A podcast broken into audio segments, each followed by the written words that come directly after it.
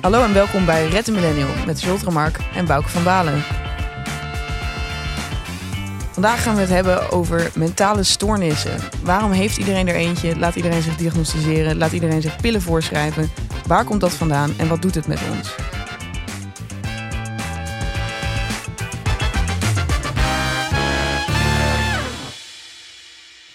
Welkom Bouke. Thanks. Beetje kort door de bocht deze intro. Ja, Uh, uiteraard gaan we een, eh, proberen een genuanceerder licht te schijnen op deze kwestie. ja, misschien al van tevoren gewoon een goede soort van disclaimer. We gaan hier niet lopen ontkennen dat mensen moeite hebben met mentale stoornissen of zo.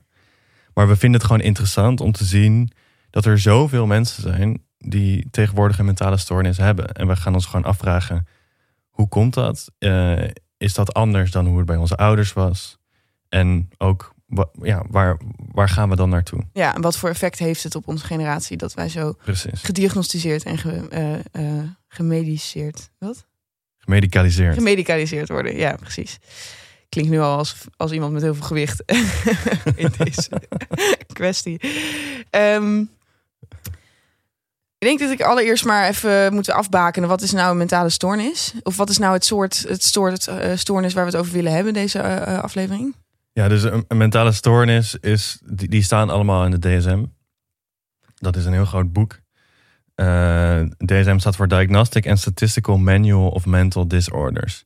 En dat wordt dus door psychologen gebruikt om mentale stoornissen in te categoriseren. Oh ja, Um, i- iets is een mentale stoornis zodra je een soort van groepje van gedragspatronen hebt of emotionele staten van zijn, waarvan wij zeggen: eh, dit is niet meer normaal.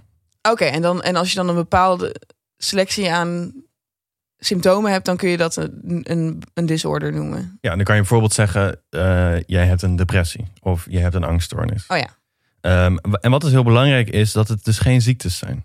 oké. Want een Ehm, ziekte is Een ziekte is, is iets oorzakelijks. Een ziekte is bijvoorbeeld eh, jouw, weet ik veel, jouw long is kapot. Dus je kan moeilijk ademen. Oh ja, Dan, ja, dan is je oorzaak is Kapotte dat je long. long kapot is. ja. Terwijl als jij mentale stoornis hebt, die, die stoornis is niet de oorzaak van je gedrag, het is de naam van je gedrag. Ah, op die fiets. Ja, ja. Ik denk dat dit, ik denk dat we dit soort dingen vaak voor elkaar zullen verwarren, omdat je diagnosticeert natuurlijk ook kapotte long op basis van het feit dat je niet kunt Klopt. ademen. Ja. En dan, En eh, het is dus heel gevaarlijk om die dingen met elkaar te verwarren. oké, Maar misschien moeten we daar later over hebben. Maar dat, dat, is, dat gaat vaak mis hier, oké. vind En, ik. en ik zei net in de introduccie van eh, eh, iedereen laat zich tegenwoordig een, een mentale stoornis aanmeten. Hoe, Ja. In hoeverre was dat waar? Ja, dus ik ben een beetje de, de cijfers ingedoken. Ik kwam een rapport tegen van het RIVM. Oh, En toen dacht ik, oh ja, zij doen natuurlijk ook dingen die niet met corona te maken hebben. inderdaad. Ze hebben wel een beetje nu hun, eh, hun naam gemaakt in het coronabeleid. Maar eh, Ja, ze zijn qua marketing gewoon totaal voor de corona gegaan. ze zouden ook wel meer mogen zeggen dat ze hier ook mee bezig zijn. Ik, was wel, ik, had, ik zag er wel weer iets positiever in, ook meteen. Ja, nee, moet je niet vertrouwen, hè, het RIVM. Die willen ons binnenhouden. Dat sowieso. Ehm, dit rapport was ook vrij schokkend. Het blijkt dat de politiek en eh, het bedrijfsleven eh, met elkaar samenwerken om ons allemaal binnen te houden. Goed. Ehm, ja, nee, het wa- was een interessant rapport waarin eh, stond dat 1 op de 12 jongeren in Nederland is psychisch ongezond. Dat zijn cijfers uit 2018. Eh, en ongeveer 8% van de 12 tot 25-jarigen eh, die, die is dus psychisch ongezond. Nou, wat is dan psychisch ongezond? Dat is dus als je gediagnosticeerd bent met een mentale stoornis. Oké, maar dan moet je dus wel echt zo'n zo'n diagnose ook hebben. dat is wel flink. Bijna, bijna 10% van, van mensen van onze leeftijd hebben een Dat is diagnose. Echt veel. Ja, vind ik Maar ook. echt. En zeg maar, er stond ook wel iets interessants in over hoe dat dan over de tijd is ontwikkeld. En in 2004 was het bijvoorbeeld nog 9% van de hele bevolking had een mentale stoornis. En in 2017 was dat 12%. Ehm, dus het, lijkt ook te stijgen. En eh, Van de hele bevolking. Oh ja, oké. want Ja, we hadden het net over bevolking. jongeren. ja, klopt. Eh, en bijvoorbeeld een stoornis zoals de depressie raakt ook voor, vooral jongeren. Eh, het, het raakt jongeren veel meer dan ouderen. Dus als we het hebben over millennials en mentale stoornissen, dan is depressie blijkbaar een van hun lievelingsstoornissen. Ehm, en wat ik heel interessant vond, en dat, dat is misschien ook leuk om het nog later even over te hebben, maar ik, ik drop het alvast.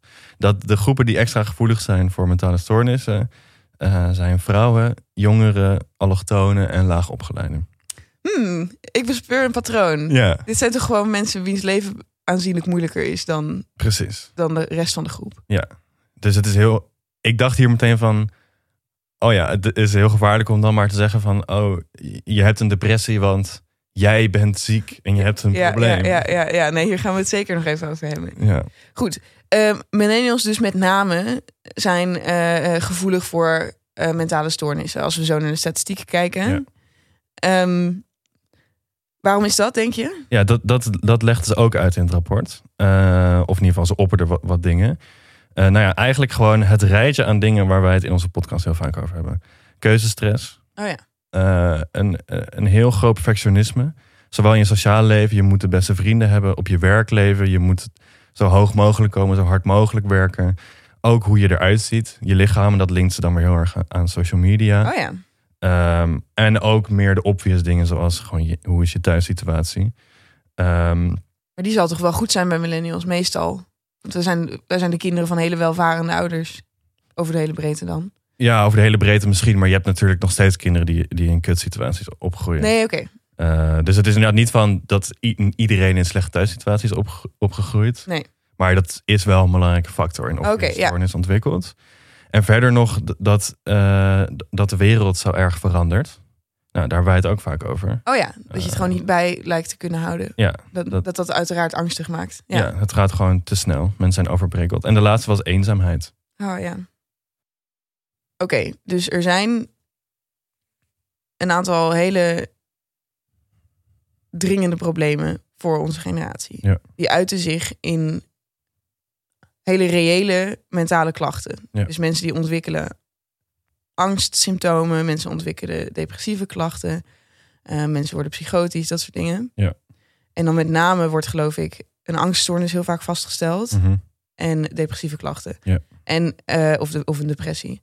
En ehm, dat komt omdat de mensen die daaronder lijden, die hebben ook echt heel erg ergens last van.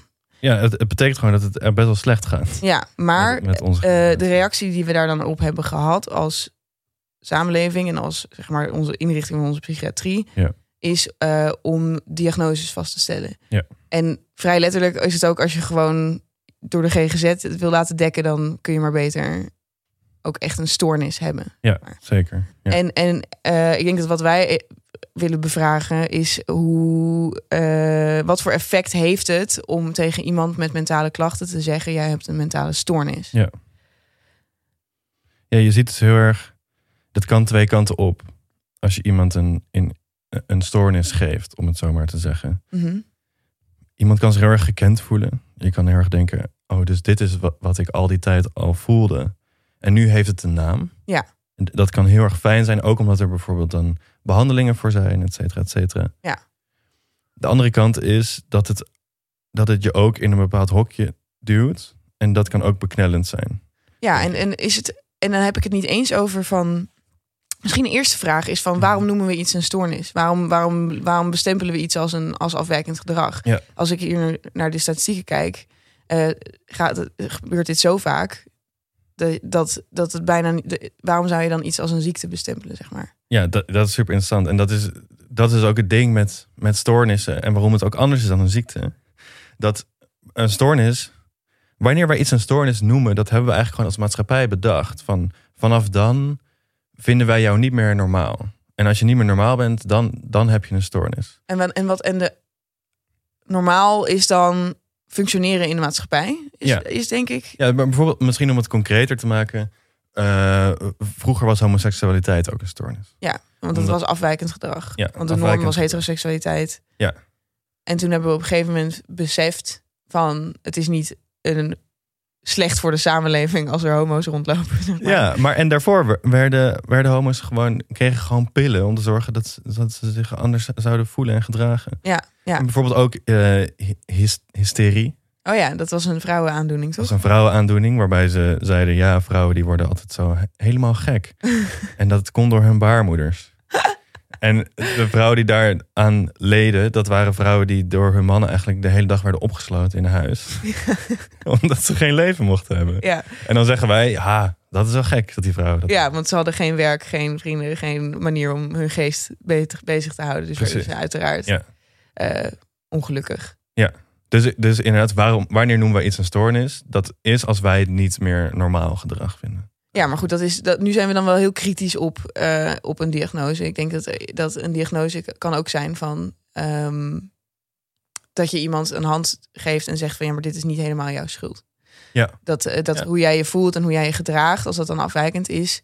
eh, stel je hebt wel eens paniekaanvallen of zo. En dan Mhm. elke keer dat je iets moeilijks moet doen, dat iemand dan tegen je zegt van oh, maar dit is een erkend probleem. Je Ja. hebt een angststoornis. Ja. En dan geven we jou nu dan stappen om, eh, om daarmee om te kunnen gaan. Ja, en dat is natuurlijk su- super fijn.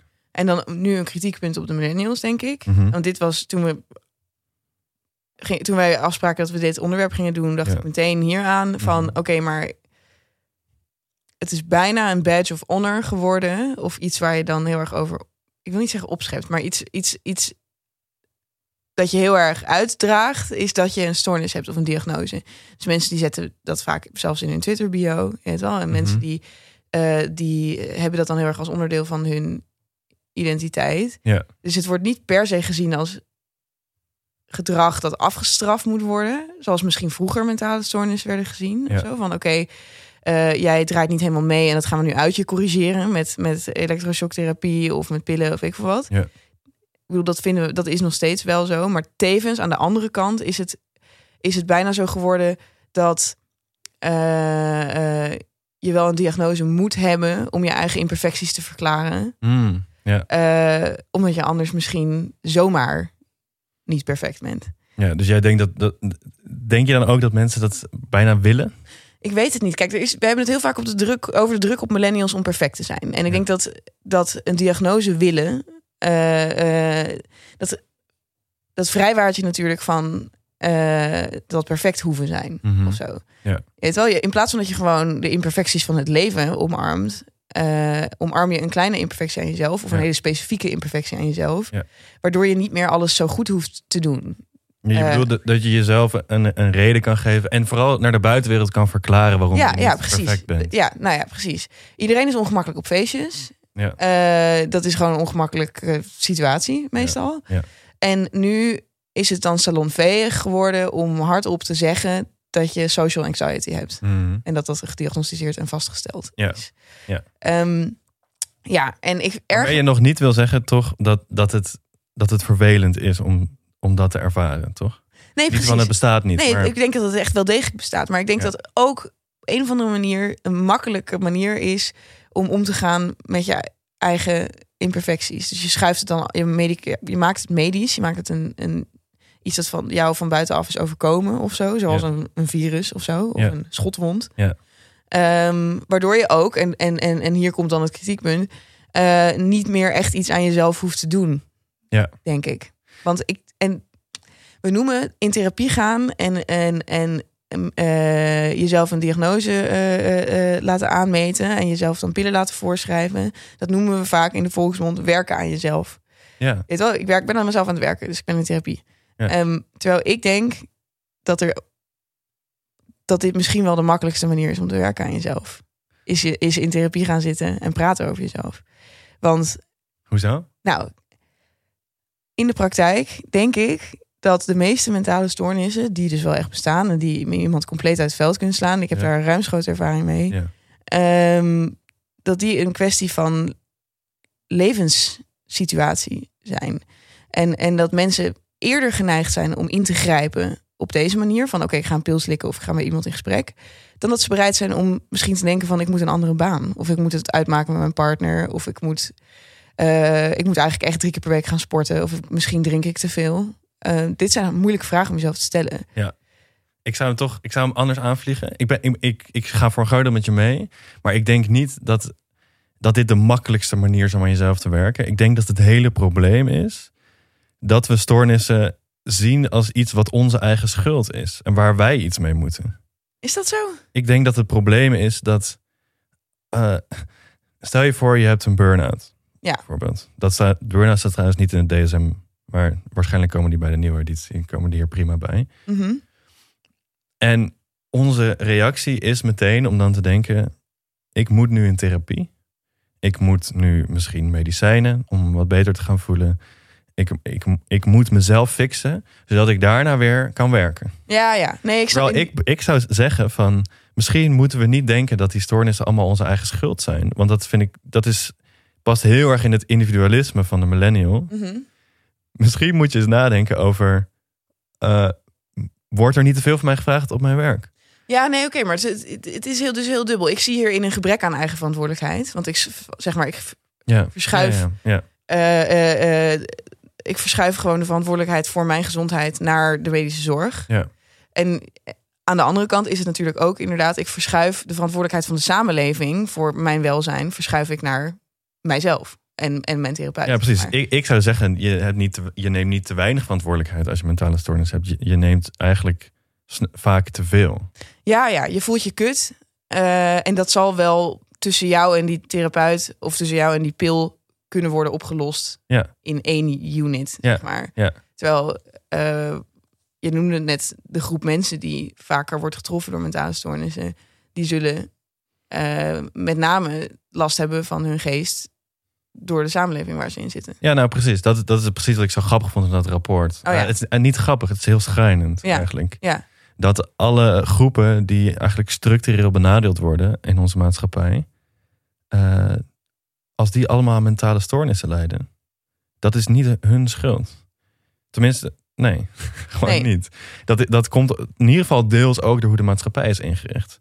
En door hoe onze psychiatrie nu werkt, dat we heel erg zeggen van, jij hebt deze stoornis en jij moet nu medicijnen, zodat jij weer kan functioneren in de maatschappij zoals wij dat willen Ja. op een normale manier, zoals wij het normaal hebben genoemd. Namelijk bijvoorbeeld 50 uur werken in de week. Ja, ja. dus als, dat, als je dat niet kunt, dan ben je ziek. Dat is natuurlijk niet wat je wil van de psychiatrie. Dat die, dat... Nee, Dat- dat, vi- vind ik niet. En zo gaat het wel. Een beetje, in ieder geval. Nou, wat vooral... Er is ook een tegenstelling eh, waar ik over las in een stuk van de Groene Amsterdammer... dat deze week verscheen. Ja. Daarin wordt een psychiater eh, geïnterviewd... over wat er nou mis is met, eh, met de jeugdzorg... en met onze zorg in het algemeen. Ja. Onze geestelijke gezondheidszorg.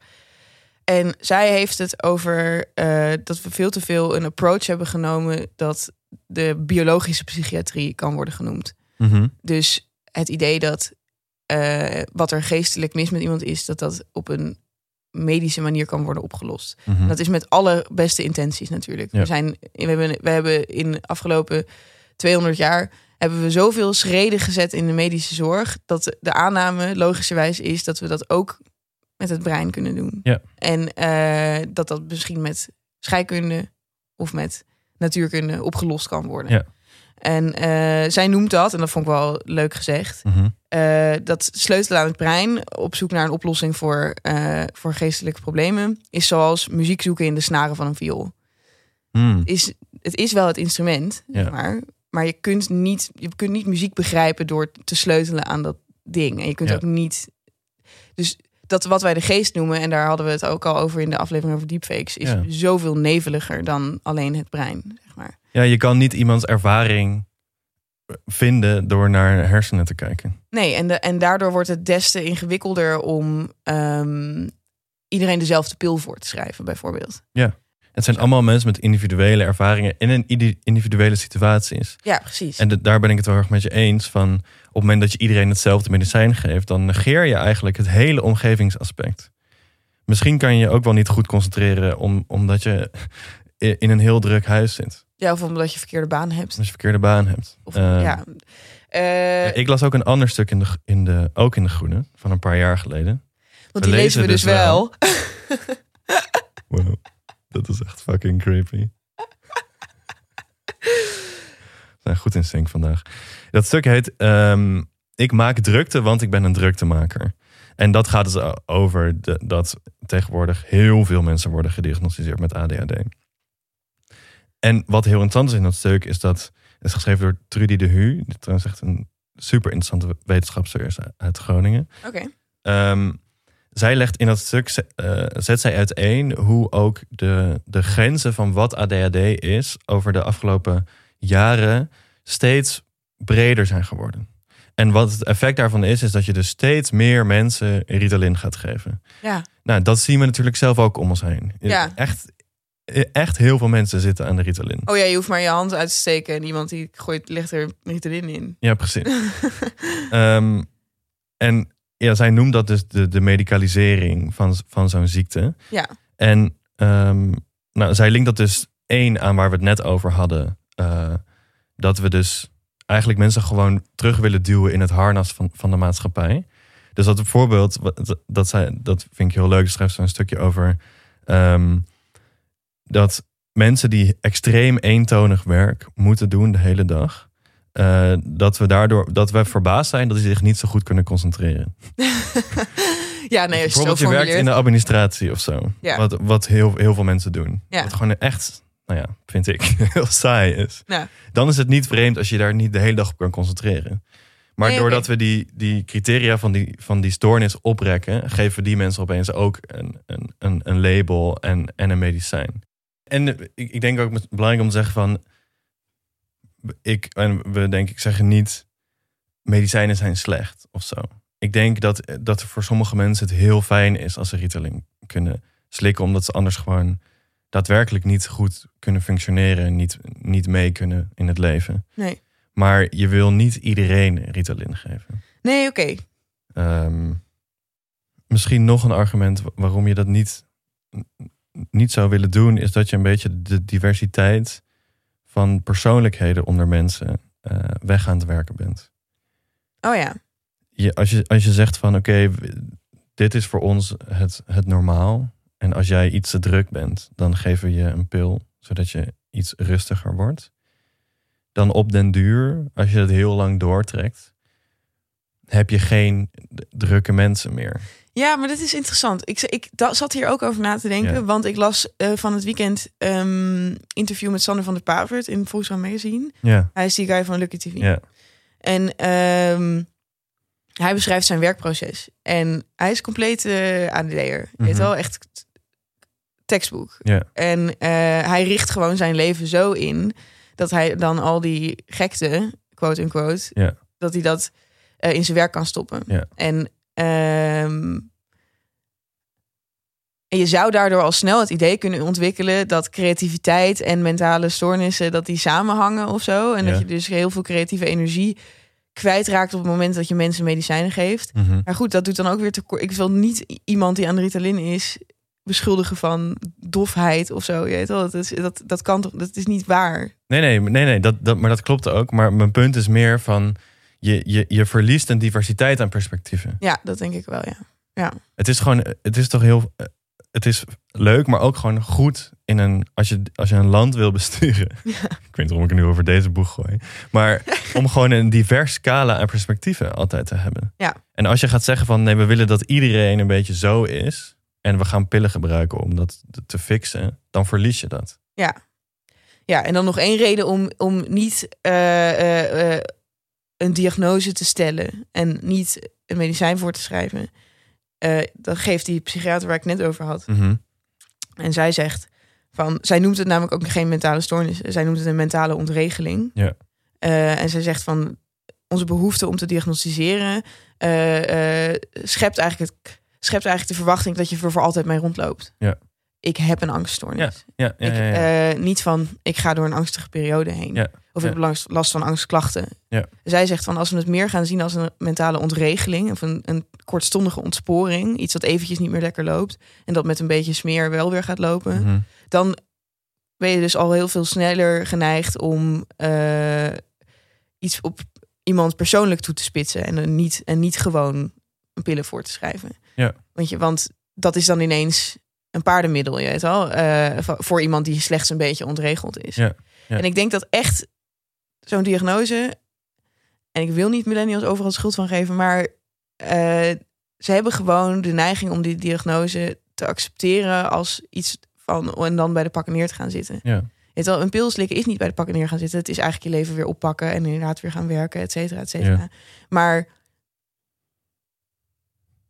je wordt afhankelijk van het idee dat je een aandoening hebt. Ja. Of zo. Ja. En dat je daar dus forever mee om moet gaan. Ja. Ik bedoel, dat is het beeld dat we hebben. Bij sommige stoornissen helpt het, denk ik, om daar zo over na te denken. Het is bijvoorbeeld in de bestrijding van alcoholisme. Een, een, eh, is een geaccepteerde manier om erover te denken... is dat je bent een verslaafde. Ja. Ook twintig jaar nadat je je laatste borrel hebt gedronken. Ook Ja. twintig jaar nadat je voor het laatst drugs hebt gebruikt... Ja. ben je nog steeds een verslaafde. En zo, en zo moet je ook met jezelf om blijven gaan... omdat je anders in de verleiding komt... om toch weer op een casual manier te gaan drinken of Mhm. zo. Dat, daar werkt het omdat het blijkbaar de manier om van sla- verslaving af te komen is om echt al- cold turkey te gaan en nooit meer een borrel aan te raken. Ja. Ehm, ik vraag me af of we er ook zo over moeten denken met zoiets als bijvoorbeeld een angststoornis. Ja, ik, ik denk het niet. En dit, en dit heeft dus denk ik heel erg te maken met waar we het helemaal aan het begin over hadden: het onderscheid tussen een stoornis en een ziekte. In dat stuk uit de Groene van, van, van Trudy de Hu eh, heeft zij het over een, een filosofisch concept dat heet reificatie. Reificatie. Reificatie. Dat betekent iets tot ding maken. Wat? Dit is echt niet verhelderend. Nee. Het betekent van iets een ding maken wat eigenlijk niet een ding is. Oké, en nu, nu concreet. Ja. Wat gebeurt er met, met mentale stoornissen? Het zijn namen, het zijn dus namen voor een groep aan gedragingen. Ja, ja, dat vertelde je. Dus het is niet zo. Je hebt, je hebt niet een gat in je long en daardoor adem je slecht. Precies. En wij reificeren dat, zegt zij. Dus wij maken van die naam maken wij een ding op zichzelf en gaan we het zien als de oorzaak van ons gedrag. Oh ja, een denkbeeldige schotwond, zeg maar. Ja, dus we gaan zeggen: ik heb een angststoornis, dus ik ben angstig. Zo, zo zit het eigenlijk niet. Nee. Je, het is andersom. Je, ik ben angstig, dus ik heb een angststoornis. Want dan hoef ik niet te betalen voor de therapie en betaalt GGZ ervoor. Ja, dat, dat is een ander verhaal. Maar dus wat je net zegt van dat millennials misschien die neiging hebben om het inderdaad zich heel erg toe te eigenen. ja, ja, ja. Dit is de oorzaak van al mijn gedrag. Dat klopt denk ik ook. Maar dat komt denk ik niet omdat millennials nou zo graag een stoornis willen. Dat komt denk ik omdat we heel erg geneigd zijn om zo over stoornissen te praten. En er zo over na te denken. Bijvoorbeeld, ik heb ook heel veel krantenkoppen ge- gelezen voor, dit, voor dit, deze aflevering. Waar bijvoorbeeld staat van... ehm, eh, deze en deze samenleving is getroffen door depressies. En dan, dan Oh. doe je net alsof een depressie, Een wat je net is, eerder ja. ook zei, een soort virus is wat je hoofd kan infecteren. ja Maar dat, is, dat is niet zo. Nee, Dat is niet een ziekte. Dat is wel interessant. Maar goed, ik, ik, ik ga toch niet helemaal afvallen van mijn punt dat sommige millennials eh, wel degelijk een soort gotta catch 'em all aan het spelen zijn met aandoeningen. Ja. En omdat het ook je interessant maakt en omdat het je ook een goed verhaal geeft. Ja, nee, ja, ik denk dat het, maar ik denk dat het allebei is. Dus Nou ja, ik denk dat het gewoon twee, twee aspecten zijn. ja, absoluut. Nee, je Maar- kent toch die quote van een unhappy childhood is a writer's goldmine. Ja, Terwijl ja, als je een ongelukkige jeugd hebt gehad, dan heb je iets interessants te vertellen. ja, Andersom, wij hebben allemaal een hele geborgen jeugd gehad. We hebben niks te vertellen. Daar zijn we denk ik ook geneigd om onszelf trauma's en leed aan te meten. ja. Omdat we gewoon geen leed hebben en geen Ja, wat jij al in de aflevering over literatuur bijvoorbeeld ook zei. Ja. Dat we dus wel alle millennials schrijven over al hun stoornissen. Ja, nee, precies. En dat in die stoornissen die zijn. En die ontwikkelen niet door iets, doordat je iets ergens hebt meegemaakt. Juist door in een soort afwezigheid van iets wordt je hoofd onrustig. Ja. En ik bedoel, ik weet maar al te goed hoe raar je daarvan kunt worden. Ja. En die vrouwen die hysterie hadden bijvoorbeeld, Ja. die zullen ook echt fucking crazy zijn geweest. Ja, Ehm, dus dus wat, er, wat er allemaal misgaat met die viool, zeg maar, dat, dat is heel legitiem en heel echt of zo. Maar er is ook een totaal. Ja, maar goed, als je er dus over gaat nadenken als een tijdelijke ontregeling. Jij zou dan kunnen zeggen van, oh, maar dat is omdat mensen weer terug het keurslijf van functioneren in moeten. ja, Maar misschien is het eerder dat als je weet van jezelf, dit is tijdelijk, dit is niet een stoornis, dit is niet iets dat mij voor de rest van mijn leven gaat tekenen, dat je er dan ook iets luchtiger met de behandeling om kunt gaan. ja. En dat je er ook iets, iets ik wou zeggen speels, dat is misschien niet het woord, iets experimenteler mee om kunt gaan. Van oké, probeer eens dit aan te passen in je leven. Probeer eens dat aan te passen in je leven. Oh, ja. In plaats van, jij bent ziek, hier heb je een pil. Ja, en in, in die lijn, eh, zeg maar, als in waar moet, hoe moet het dan wel? Of waar, waar moeten we dan heen? Zou ik dus zeggen, je wil dingen zoals mentale stoornissen veel holistischer bekijken. Oké, Dus de, iedereen een medicijn geven, waar we het eerder ook over hadden, is een hele individualistische oplossing. Waarmee je eigenlijk alleen maar kijkt naar een soort van de chemische structuur van iemand. ja, absoluut. Dat is die, die biologische psychiatrie. Ja, en dus niet naar de omgeving. Ja. En je scheert iedereen over één kam, want je geeft iedereen dezelfde pil. Ik zou zeggen, je wil veel meer toe naar een systeem waarin je dus iedereen's ervaring heel erg wel erkent. Als iemand angstig is, dan is dat natuurlijk een, een ding en dan kan een probleem zijn voor diegene. Ja. Maar dan wil je diegene een behandeling geven die ook rekening houdt met diens omgeving. Je wil niet per se direct een medicijn erin gooien. Je, Ja, wil, je wil meer een holistisch beeld krijgen. Ja, maar goed, dat is als, hè, als 12% met klachten loopt, hoe haalbaar is dat dan? De druk op de zorg is enorm. Ja. Eh, het, de roep is nu om op te schalen, dus om het, pro- om het probleem dat we, of eh, om de structuur die we dan nu hebben van de jeugdzorg en de, en de, en de geestelijke gezondheidszorg zo verder te gaan, maar dan drie keer zoveel geld erin te stoppen, zeg maar. Ja. Eh, wij zijn geen experts op dit gebied, maar dat lijkt, niet, lijkt mij niet de oplossing. Nee, je hebt denk ik echt, eh, ja, ja, waar te beginnen. Je hebt echt een soort fundamentele systeemverandering nodig. Nou ja, die vrouw die, de, wiens interview, of wier interview ik het heet het over heb, zij had het over gewoon dat wat er misgaat, is dat mensen worden behandeld in de behandelkamer. Mhm. Zij en de therapeut, die zitten daar met z'n tweeën dat te doen. En dan gaat diegene naar huis. En daar zit het probleem. Daar Ja. zit zeg maar een Ja. overbearing moeder. Of daar zit eh, rouwverwerking. Of gewoon geldproblemen. Of wat er allemaal dan wel aan de hand is. En dat Ja. is. En, en het individu. Zij zei van er is wel iets beter geworden Mhm. natuurlijk. Want we hebben het nu heel erg weer over dit soort dingen. En we erkennen nu mentale problemen als iets dat jou persoonlijk heel erg kan plagen. Mhm. En vroeger dan eh, eh, zwegen we daar misschien wel over. Of vond het alleen in het biechthokje plaats, zeg maar. Mhm. Eh, maar wat er wel is weggevallen, is de groepsstructuur die jou misschien kon redden toen nog van, van die vereenzaming. En want, want een mentale stoornis is, is bij uitstek iets dat zich naar binnen toe keert. Ja. Het is eh, en, en dat omdat, omdat die sociale structuren zijn weggevallen die we vroeger hadden, en dat kun je niet zomaar omkeren of zo. Dat, eh, dat dat een groot effect op ons heeft gehad. ja, dus weer het, het, het- de individualisering van de Ja, ja, maar goed. Dus niet alleen van ik ben mijn eigen. Nee, nee, nee, maar meer maar ook gewoon, ook gewoon de eenzaamheid. Met wie ga ik hierover praten? Ja, ja, ja. ja. Als je niet, als je nog kerk, nog een groot gezin hebt, Ja. eh, nog een vakbond of zo, Ja. waar hoor je dan nog bij? Ja, en, en tegelijkertijd, ik denk, het is wel interessant dat mensen van onze leeftijd er wel ja, ook heel erg met elkaar over praten, voor mijn gevoel. Ja, maar ja, er is er dan een groepsgevoel. Ik weet het niet. Ik, ik, ik heb niet het idee dat wij dit soort dingen zien als een maatschappelijk probleem of zo. Nee, we zien het niet als een maatschappelijk probleem. We zien het als ons eigen probleem. Ik ga niet Maar we naast praten iemand er wel over. Ja, ja, we praten erover. Maar als ik met iemand praat en ik zeg van... oh, nou, mijn angststoornis, jouw angststoornis... Ja. dat voelt dan niet als iets wat wij allebei hebben. Dat voelt dan als iets van... ja, maar hoe complex en ingewikkeld mijn brein werkt... dat ga jij toch nooit begrijpen of zo. Dat is Mm. het. En als je, met, als je met, een therapie, met een therapeut in gesprek bent...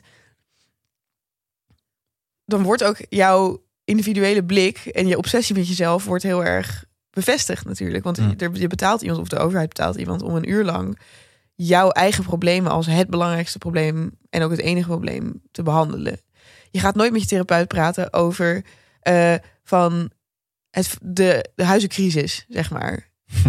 Eh, en, en en wat voor druk dat op jou oplevert om een goed betaalde baan te krijgen die Ja. er niet is, want Ja. alles is freelance. Ja. Daar heb je het niet over. Het, het bevestigt alleen maar, therapie bevestigt in mijn ogen alleen maar dat eh, jouw problemen dat die heel individueel en heel specifiek zijn en dat niemand ooit de krochten van jouw brein zal begrijpen, behalve deze mevrouw die ervoor heeft doorgeleerd. Ja, maar ik, ik, vind, ik vind het wel iets een negatieve benadering van therapie, denk ik. Oké.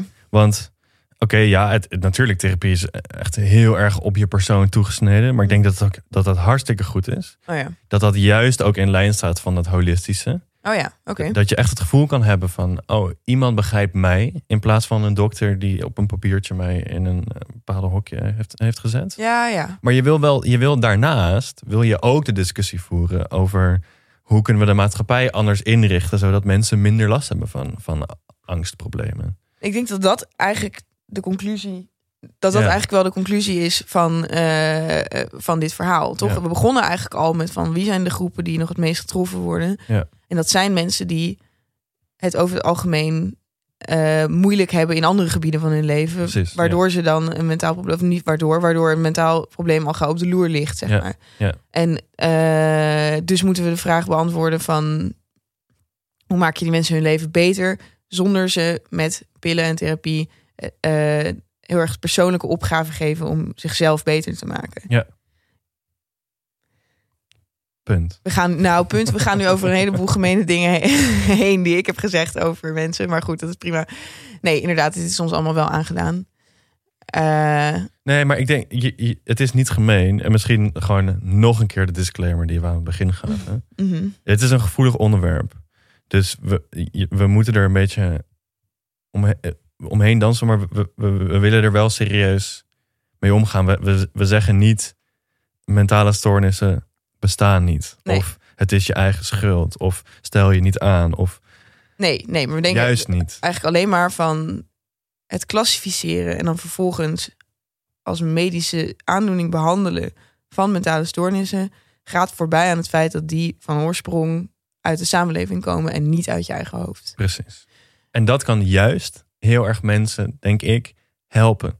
Die last hebben van mentale stoornissen. Ja, ja. Dat ze het niet allemaal alleen hoeven te dragen. Ja, ja, goed. Nou, dan eindigen we zoals altijd met de wens dat de kerk weer terug zou komen. goed. We gaan hier geen definitieve conclusie over kunnen trekken, want het is een heel breed en ingewikkeld probleem. Ja. Ehm, terwijl we nog steeds eerbiedig omgaan met eh, het feit dat mensen zich rottig voelen, Natuurlijk. proberen we een stap weg te doen van het diagnosticeren en medisch behandelen van mentale stoornissen, denk ik. Ja, dat zeg je goed. We willen de blik gewoon ook een beetje verplaatsen naar meer maatschappelijke context. Ja, nou ja, goed. Het is in ieder geval goed dat we er een keer een exploratie van hebben gedaan. Ja. Eh, misschien kunnen we nog een keer een expert uitnodigen. Dat zou al helpen. Ja, en ook als jullie eh, hier iets over vinden of het helemaal niet met ons eens zijn, laat het dan ook vooral weten. Oh ja, En mail, ons. naar redmillennial.gmail.com of eh, via Insta, redmillennial. Via Twitter, redmillennial. Eh we willen hier vooral over in gesprek met Ja, iedereen. Want ik denk dat er zijn inderdaad miljoen ervaringen. Ja. En, ehm, en het gaat niet eh, allemaal over iedereen of zo. Nee. Super vaag, maar goed. Nee, ja. Bedankt Bouke. ja, jij ook bedankt. Bedankt luisteraars. Bedankt voor de, stu- aan de studio, Dag en Nacht Media. Bedankt onze producer, Suzanne Moeilijker. Eh, bedankt voor het maken van het logo aan Roos Vervelde. En als jullie vriend van de show willen worden en ons willen steunen... ga dan naar vriendvandeshow.nl schuine streep. Tot volgende week. Tot volgende week.